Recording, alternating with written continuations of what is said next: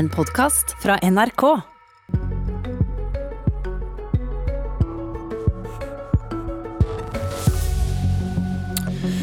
Nå har vi endelig svaret på de to store spørsmålene vi har ventet på.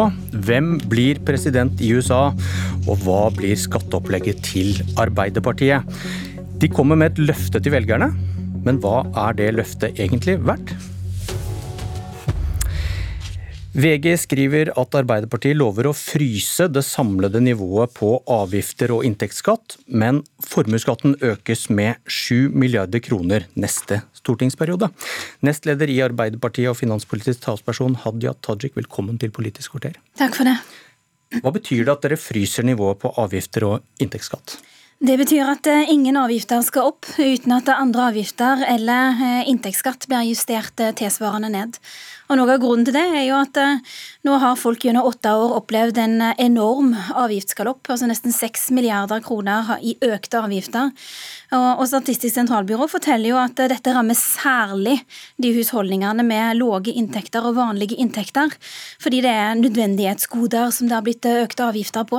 Samtidig har jo de rikeste i landet fått store skattekutt, og det gjør jo at ja, mens vanlige folk har blitt snikskatta, så har rikfolk fått skattekutt.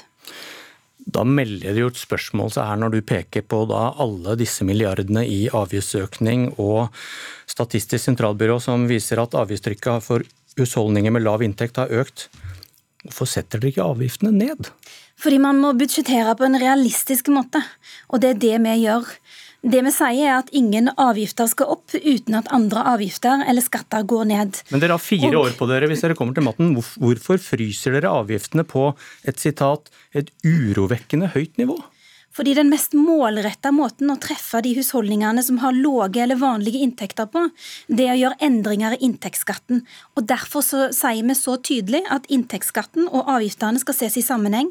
Det skal være det samla nivået som er det samme. Eh, og Det betyr jo at når vi gjør eh, inntektsskatten lavere for familier som har vanlige eller lave inntekter, så får de en, i det hele tatt en, mer, en større disponibel inntekt. Er det vanskelig å senke en avgift? Altså Først og fremst så handler dette om å gi forutsigbarhet til folks lommebøker. Og med vårt skatte- og avgiftsopplegg så får man nettopp det. Er det vanskelig, tillegg, å, senke, er det vanskelig å senke en avgift? Altså Først og fremst så handler dette om hverdagen til folk, og det er det som har vært utgangspunktet til Arbeiderpartiet når vi har foreslått dette. Det er jo noen avgifter som vi rett og slett kutter i, og det har vi gått ut og sagt tydelig fra om at det som Høyre og Fremskrittspartiet er ansvarlig for, med overpriser statlige gebyrer på helt ordinære tjenester, som f.eks. at ungdom betaler teoriprøve til førerkortet, det vil vi ha slutt på. Men dere kan... beholder da avgiftsnivået som i dag, selv om det er urovekkende høyt, det har du jo sittet og sagt. Du, Hvor mye av de fæle avgiftsøkene til regjeringen veier dere opp for med skattelettelser til ja, de som tjener lite, da, til 400 000?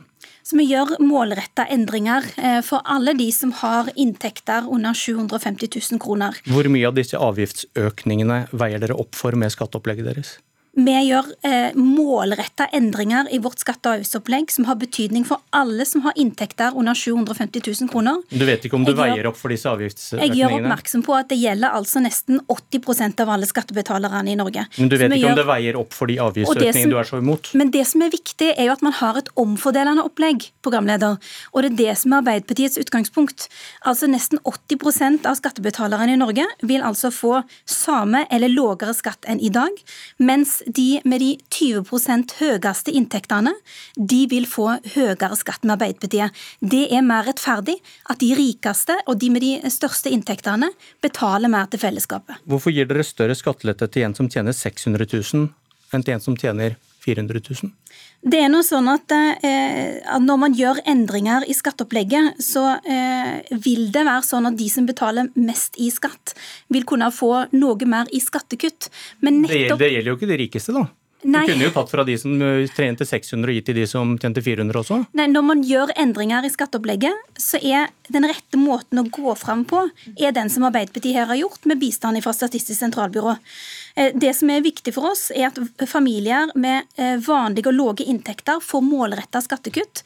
Og i tillegg selvfølgelig at man sørger for at flest mulig får muligheten til å være i arbeid. Men det er teknikaliteter da som gjør at disse på, som tjener 400 000 får mindre i skattelette med deres opplegg, enn de som tjener 600 000? Det er sånn at i prosent så er det de med de laveste inntektene som får mest i skattekutt. Men dette gjelder ikke de høyeste inntektene, da?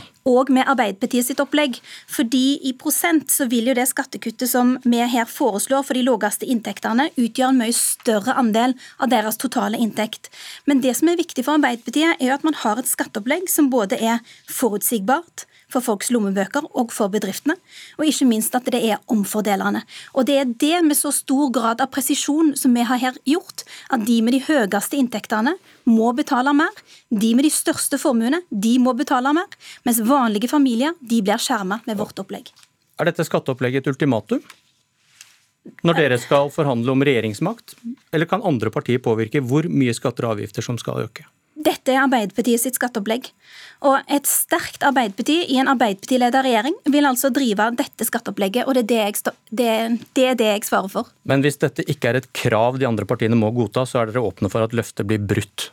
Vi har vist òg tidligere at vi kan gå til valg på et skatteløfte, sånn som vi gjorde i 2004 under Jens Stoltenberg, og holde det skatteløftet i åtte år. Det kommer vi selvfølgelig til å gjøre igjen. Velkommen, Sylvi Listhaug, nestleder i Fremskrittspartiet og finanspolitisk talsperson. Takk. I dag presenterer du FrPs alternative statsbudsjett, som blir deres utgangspunkt for forhandlingene med regjeringen om det virkelige budsjettet, som jeg forstår også starter i dag. Hvor inspirert blir du av Arbeiderpartiets skatte- og avgiftsgaranti, der man fryser nivået, én avgift opp, noe annet ned? Nei, altså, det, det, er jo tidenes snuoperasjon. Her har man hylt og skreket nå i sju år på hvor forferdelig det er at avgift- og skattenivået er gått ned. Samlet sett med 25 milliarder så lenge Fremskrittspartiet var i regjering. Og plutselig nå så syns man det er helt greit. Eh, så vet vi at Arbeiderpartiet skal samarbeide med Rødt, MDG og SV alle partier som ønsker å øke dette trykket kraftig. Sånn at Hvor mye han skal tro på det, det gjenstår å se. Men da må jeg spørre deg, Når du tar den, da, da kan vi heller ikke tro på Frp som vil ha null kvoteflyktninger, for dere må samarbeide med partier som vil ta imot 5000. Så en altså- stemme på Sylvi Listhaug er en stemme på ja, 3000-5000 kvoteflyktninger, med din logikk? Nei, absolutt ikke. Nå er, det vi skal forhandle om nå, er å få ned antallet kvoteflyktninger. Så får du vente og se ja, hvor... på vårt alternativ, på hva som ligger der. Men hvorfor skal vi tro på deg og ikke på Hadia Tajik, som sitter og sier at dette går vi til valg på, og dette skal vi få til? Er fordi at vi skal nå inn i budsjettforhandlinger, og der kommer vi til å tydelig vise f.eks. at avgiftsnivået i Norge skal ned. Men du mistenkeliggjorde, du mistenkeliggjorde Hadia Tajik og sa at hun klarer ikke å få til dette her? Nei, og det er jo fordi at hun blir avhengig av å samarbeide i hvert fall med SV, og kanskje med Rødt og MDG. Og Vi har jo sett deres alternative statsbudsjett. Og vi har også sett måten Arbeiderpartiet har latt seg styre i Oslo på, der avgifter og skatter har gått opp, og der det i realiteten er MDG og Lan Marie Berg som styrer hele sjappa. Og Det er vi veldig bekymra for i Norge. For la oss ta sånn som klimaavgifter. Hva betyr det? Etter alle solemerker så betyr det at avgiftstrykket på bil skal oppover. Rundt omkring i Norge så er folk helt avhengig av bilen for å komme på jobb, for å kjøre i, eh, barna i barnehage, for å greie å komme seg rundt. Det er jo sånne avgiftsskjerpelser som kommer til å eh, gjøre at folk blør i det daglige. Og så får vi bare konkludere med at i ditt møte med Venstre og KrF så endte dere på 3000 kvoteflyktninger. Ja, nå skal vi forhandle et nytt budsjett, og så får vi se. Altså Løftene til Fremskrittspartiet på avgiftskutt har jo ingen troverdighet. Det er bare symbolpolitikk. De de nå skal sette seg ned og forhandle med, er eh, bl.a. Kristelig Folkeparti. Og de, mens Fremskrittspartiet sier at de skal kutte i avgifter til eh, øl og røyk, så ser jeg veldig fram til å se på hvordan de skal få Frems Kristelig Folkeparti med på dette her. Det de òg sier i Frp, er at de nå skal kutte avgiftene like mye bare på et par uker som de har økt avgiftene på åtte år, mens de enten selv har sittet i regjering regjering eller støtta en regjering. Det har absolutt ingen troverdighet. Og de nesten sju milliardene som dere sier at dere vil kutte i avgifter nå, det tilsvarer omtrent 9000 sykepleiere. Ja. Hvor har du det tallet fra? Fra det, altså alt det dere har sagt offentlig til nå. Mellom 6 og 8 milliarder kroner. Men hvis vi tar, jeg tar, for gitt at det dere har sagt offentlig jeg tar for gitt at det dere har sagt offentlig stemmer. Og hvis dere skal kutte 7 milliarder kroner i avgifter bare på noen uker, så må dere si opp nesten nesten 9000 sykepleiere midt i en koronapandemi. Fordi de skattekuttene dere legger opp til, det betyr òg velferdskutt. Og det er det jeg er litt interessert i å finne litt ut av. Hvor mange sykepleiere er det som skal miste jobbene sine? Hvem er det du skal ringe til i Ålesund eller Ørsta Volda og gi beskjed om at staten har ikke lenger råd til å ha deg ansatt? Får, får noe sprøyt. Det vi ønsker å bidra til, er at helt vanlige folk, mange av dem har problemer med å komme seg inn på arbeidsmarkedet, skal få beholde jobbene sine. Det vi har sett nå når grensene til Sverige er stengt, er jo nettopp at eh, vi har fått tusenvis av nye arbeidsplasser på norsk side. Det må jo være positivt å prøve å fortsette det. Istedenfor så vil du med din politikk sende deg på porten. Eh, så er det sånn at når vi gjelder våre sine meritter, vi har altså fjerna arveavgifta. Du skal styre med flere partier som ønsker å gjeninnføre den. Og hva ønsker Arbeiderpartiet egentlig? Men det vi fjernte godt effektavgifta, vi fjernte Er båtmotoravgifta, og vi reduserte skatte- og avgiftsnivået med 25 milliarder, som du nå syns er helt greit, men som du i alle år har gått og skreket om er, hvor forferdelig er det Det er to grunner. la, la Tajik svare på det. Det er to grunner til at Arbeiderpartiet foreslår dette skatteopplegget, der vi gir forutsigbarhet til folk og bedrifter. Den ene grunnen er at Norge er i en helt ny situasjon, med en koronapandemi som skaper økonomisk usikkerhet for veldig mange, og kommer til å gjøre det i mange år fremover. Eh, Den andre grunnen er at vi ser at forskjellene i Norge har økt gjennom veldig mange år, bl.a. fordi vanlige folk har blitt snikskatta av Høyre og Fremskrittspartiet med økte avgifter, mens rikfolk har fått skattekutt. Det er grunnen til at vi legger fram et veldig enkelt opplegg. Folk med vanlige og lave inntekter skal betale mindre i skatt. Folk med høye inntekter og formuer skal betale mer i skatt enn i dag, mens bedriftene de skal ha samme skattesatsen som i dag. Som du har eh, tidligere sagt at egentlig så skal selskapsskatten opp til 23 så da bryter du tidligere løftet. Listhaug skal Nei, få men det, det altså, handler igjen om poenget at Norge skal er i en ny situasjon, Du- og det må man Nettopp. akseptere, og, og det må man anerkjenne. Og da skal du likevel tappe bedriftene, og faktisk er det enklere og billigere for Kina og utenlandske aktører å eie norske bedrifter, enn det er for nordmenn å, å eie dem. Det er altså en så høl i hodet-politikk i en tid der mange er redd for å miste bedriftene sine, at det henger ikke på greip. Og jeg syns det er helt skremmende å tenke på at okay. de ønsker å gjøre det nå. Vi, vi trenger analyse. Takk for debatten. Eh, politisk kommentator i NRK, Magnus Takvam. Eh, først, Hva mener du er forklaringen på at Arbeiderpartiet ender opp med dette skatteopplegget?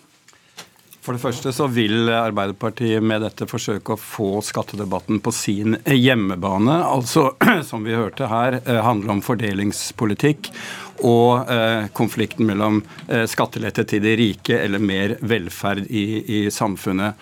For det som er nytt her, er jo at eh, profilen er mer moderat. Man gir, det nye er at man gir et løfte, som vi hørte, om ikke å øke eh, skattenivået for eh, inntekter og avgifter. At en avgiftsøkning på ett område skal møtes med lettelse på, på eh, et annet område. Og ikke gjenta den feilen man gjorde i 2017, da man ble oppfattet som å gå til valg med et løfte på en måte om 15 milliarder i skatteøkning, uten å forklare hva eh, dette skulle brukes til eh, i, i samfunnet. Hvordan vurderer du sjansen for at andre partier kan få gjennomslag for å øke skatter og avgifter mer enn det Arbeiderpartiet går til valg på? Så Det avhenger selvfølgelig av styrkeforholdet mellom partiene etter eh, en eventuell valgseier da, neste år. Eh, Slik konturene av, av det tegner seg nå, så har vi jo et veldig sterkt Senterparti, et svekket Arbeiderparti. La oss si at Senterpartiet kommer med 15 til oppimot 17-18-20% og Arbeiderpartiet fra 20 til 25% men det blir flertall for en, et regjeringsskifte. Så er min vurdering at det vil være veldig vanskelig for da f.eks. SV å gå inn i en forpliktende regjeringsplattform med to så sterke, mye mer skal vi si, skattemessig i hvert fall, og, og fordelingsmessig mer moderate partier.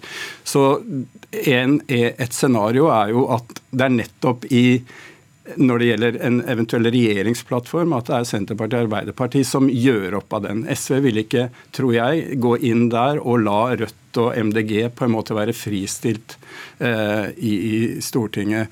Men selvfølgelig vil det argumentet som vi også har hørt her, bli et av de, de som blir brukt mest mot nettopp Arbeiderpartiet.